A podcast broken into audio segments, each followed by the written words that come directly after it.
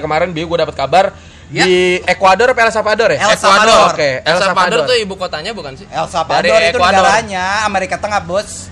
Oh ya, El, El Salvador, ya betul negara El. Salvador ini Yes, betul, betul. resmi eh, apa namanya menggunakan atau resmi menganggap Bitcoin ini sebagai Legal tender. legal tender tender. atau mata uang Utama. Bukan, Bukan mata uang, alat tukar ya? Bisa Alat tukar. dipakai untuk transaksi. Oh. Nah, ah, selain dengan mata uang yang, Yang lain. gunakan.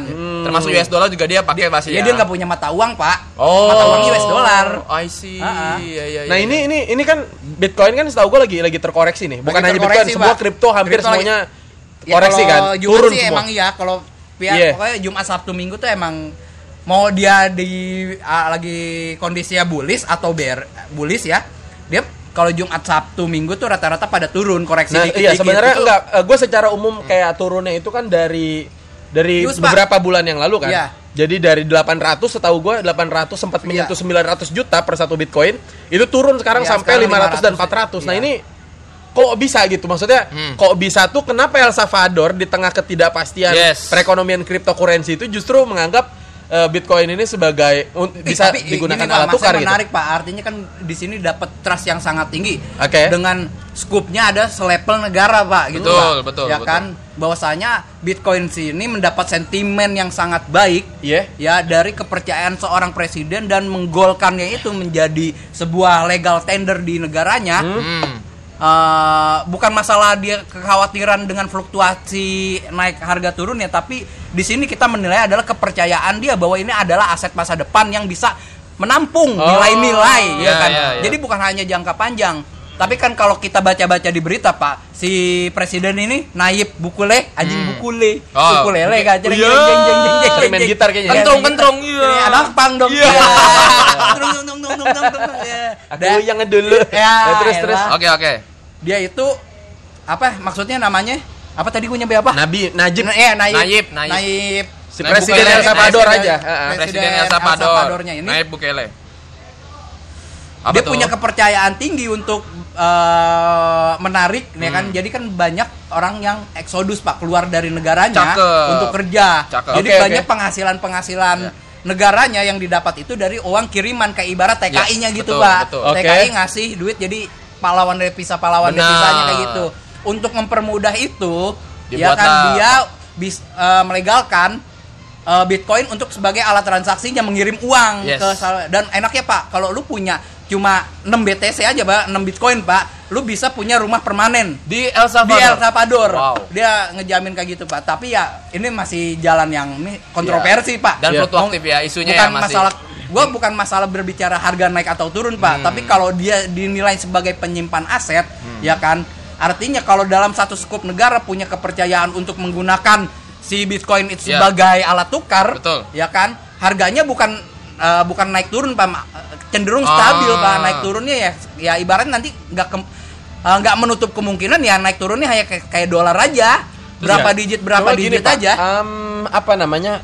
Gue sih nggak tahu ya. Ini ini ini ini kan juga masih trial ya. Hmm. Ya mungkin eh, sebagian orang gitu bahkan Ah. dulu mungkin mengapresiasi keputusan El Salvador untuk bisa apa namanya eh, ya inilah mengapresiasi kemajuan lah ya Ah. dengan adanya Bitcoin ini Oke. gitu. Suatu Cuma yang eh, eh, satu terobosan gitu. Cuma yang gue bingung adalah sepede apa nih El Salvador karena gitu El Salvador ini secara mayoritas eh bukan mayoritas maksudnya apa namanya secara bagaimana literasi atau inklusi keuangan mereka terhadap Bitcoin gitu. Apakah banyak warganya yang mengakses Bitcoin ataukah warganya nih secara jumlah gimana gitu dibanding Indonesia kan sebenarnya iyalah, potensial banget aja. Nah, secara marketnya. Ini kalau yang gue lihat nih, barusan gue baca di beritanya nih di Business Insider.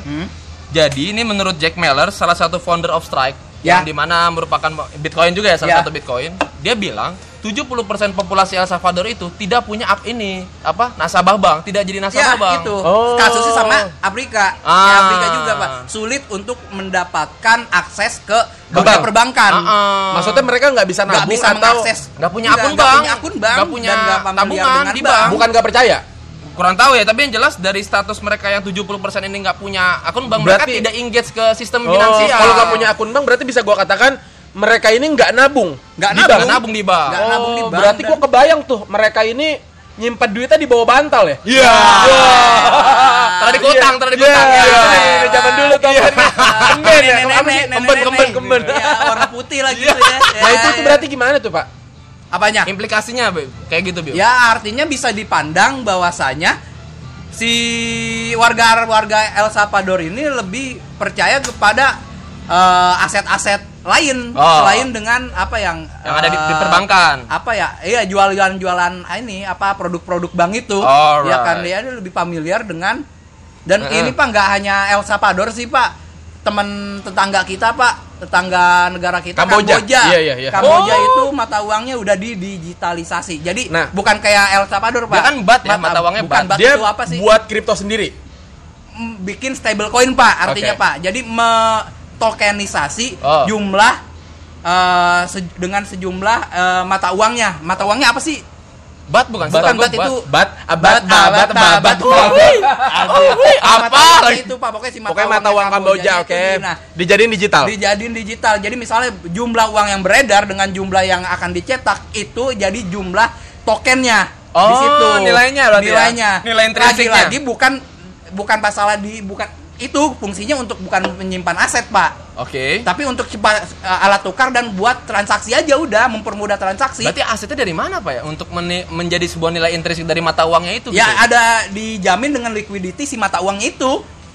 Yang di mana datangnya dari Ya mata transaksi. jadi ya dia nggak jadi kayak ini ada kalau di beberapa kripto tuh ada namanya stable coin pak. Oh. Jadi mau bitcoin naik mau bitcoin turun dia nggak bakal terpengaruh tergantung USDT gitu? tergantung dia mematok harganya dengan apa. Misal USDT punya tether, Nah, itu yaitu patokannya dari apa? patokannya dolar. Oh. Indonesia juga ada yang pak ada se developer BIDR. yang BIDR sayangnya itu punya exchanger punya market. Iya. Nah kemungkinan kalau misalnya Indonesia mau buat itu ya Eh, apa, stable coin?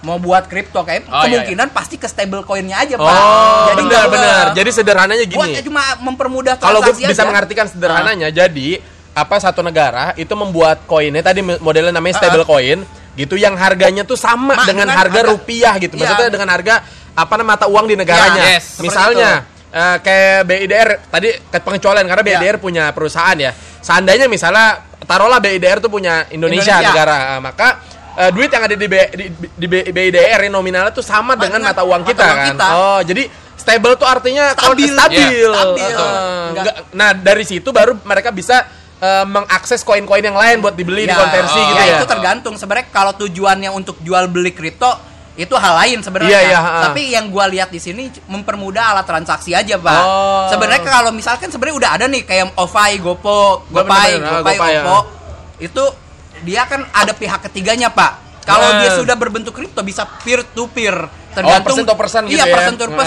Artinya tidak ada biaya-biaya tambahan lagi, karena ah. tidak menggunakan aplikasi ketiga. Aplikasi pihak ketiga Oh, seperti ha, ha. itu. Kalau negara yang mengadakan. Kalau negara yang mengadakan. Hmm. Ya tapi lagi-lagi nih penuh kontroversi banyak lembaga-lembaga dunia juga yang menolak Oke, oke. keadaannya seperti itu. Ya, nah kondisi sekarang kan market lagi turun juga nih Bitcoin Iya, lagi iya, turun lagi ha, nih. ha. Itu dapat sentimen buruk. Tadi IMF Pak. Oh. IMF mengancam tidak akan mencairkan pinjamannya Oke, ke, ke negara-negara yang- El Salvador Oh, khususnya. El Salvador. Ya sejumlah satu triliun dolar kalau nggak salah. Nah, berarti El Salvador ini jauh lebih beresiko daripada Kamboja sebenarnya. Karena dia tidak menggunakan stable coin Iya, sebagai iya. alat tukarnya. Kalau gitu kan. dia, ha, ha. Oh, ha, tapi kalau. Kalau rencananya ya, kalau rencananya cuma buat memindahkan aset orang-orang yang ada di luar, Iya, ya ha, orang ha. Salvador dan Gila. balik ke ke si Ke, iya, ke negaranya. negaranya, Hmm. ya itu sih kata gua gampang-gampang aja kok gitu Ya. aja. Gede loh, Bos. Heeh. 6 miliar dolar. 6 miliar dolar. Pencap- apa, pendapatan mereka datang dari itu orang-orang yang Dari luar ya, di dari luar luar negeri, negeri. orang-orang El Salvador yang bekerja di luar negeri gitu. Ah. Itu kalau istilahnya namanya brain gain. Brand gain. Orang-orang yang bekerja di luar negeri namun mengirimkan keuntungannya aset-asetnya itu ke negara asalnya. Ya. Contoh Hmm. kayak Cina, India, kayak gitu Cuma kan tahu gue gini ya, kenapa dikatakan pahlawan devisa? Eh, karena mereka mendapatkan di- kalau pahlawan devisa itu kan TKW, TKW, TKI gitu ya, yang Iya. kerja di luar negeri. Betul. Mereka bekerja, kemudian penghasilannya menggunakan duit sana gitu. Iya. Misalnya dia kerja di Amerika, Hmm. gitu penghasilannya kan berarti dolar gitu. Nah, eh, dikatakan pahlawan devisa karena mereka kan eh, ketika dikonversi duit mereka itu kan nanti akan berpengaruh terhadap fluktuasi. Harga. Betul, nah, betul. gimana dengan Bitcoin sendiri? Misalnya ada orang El Salvador di Indonesia ya kan kemudian eh, di- Mengirim duitnya, Nah, ya, mengirim, mengirim bit- duit- bitcoinnya. Hmm. bitcoinnya ke negaranya. Nah, itu secara fluktuasi gimana gitu? Yang ngaruh juga apa kan artinya kan dia membelikan Bitcoin. Iya. Ya kan, Tapi membelikan apa? Bitcoin. Karena kan acuan sebenarnya acuan eh dia eh, mata uangnya apa ya kalau Dolar. Oh, dolar. US Ah, dollar. oke, oke, US oke, dollar. Tapi apa kalau dilihat di sini kan banyaknya teman-teman yang menggunakan Bitcoin kan digaungkannya itu kan lebih decentralized, Decentralized. lebih secure. Secure. Nah, itu dan reliable gitu, lebih mudah dipercaya. Kenapa ya? Kok bisa dibikin dilihat kayak gitu sih? Ya lagi-lagi kita eh, nggak terlepas dari hype deh pak ya. Hmm. Ya orang-orang makin ini lam, disa, sering dibicarakan makin lama makin mainstream. Oh. Artinya orang sa- saking sering dibicarakan orang sudah tertanam gitu pak. Oke. Bahwasanya ini reliable, mudah dipercaya gitu kan. Decentralized. dan decentralized lagi-lagi sebenarnya yang itu ada untuk mengurangi tadi pihak-pihak yang lain yang Ya. memotong Oh iya. biaya-biaya Komisi-komisi 10%, Komisi-komisi apa segala macam Ah, tuh ya. Betul. Iya, iya, iya, iya. Lagi-lagi sebenarnya pilihannya nggak harus menyimpan Bitcoin ya kan jatuhnya misalnya orang El Salvador mau pindahin Bitcoin ke negaranya ya kan ayat dari dari bit dari ne- sudah nyampe di El Salvadornya nanti dicairkan lagi jadi US dollar nggak Oh. masalah ataupun mau disimpan nggak nilainya nggak berubah ya? dan nilainya ya nilainya tergantung naik turunnya Bitcoin Oh. tetap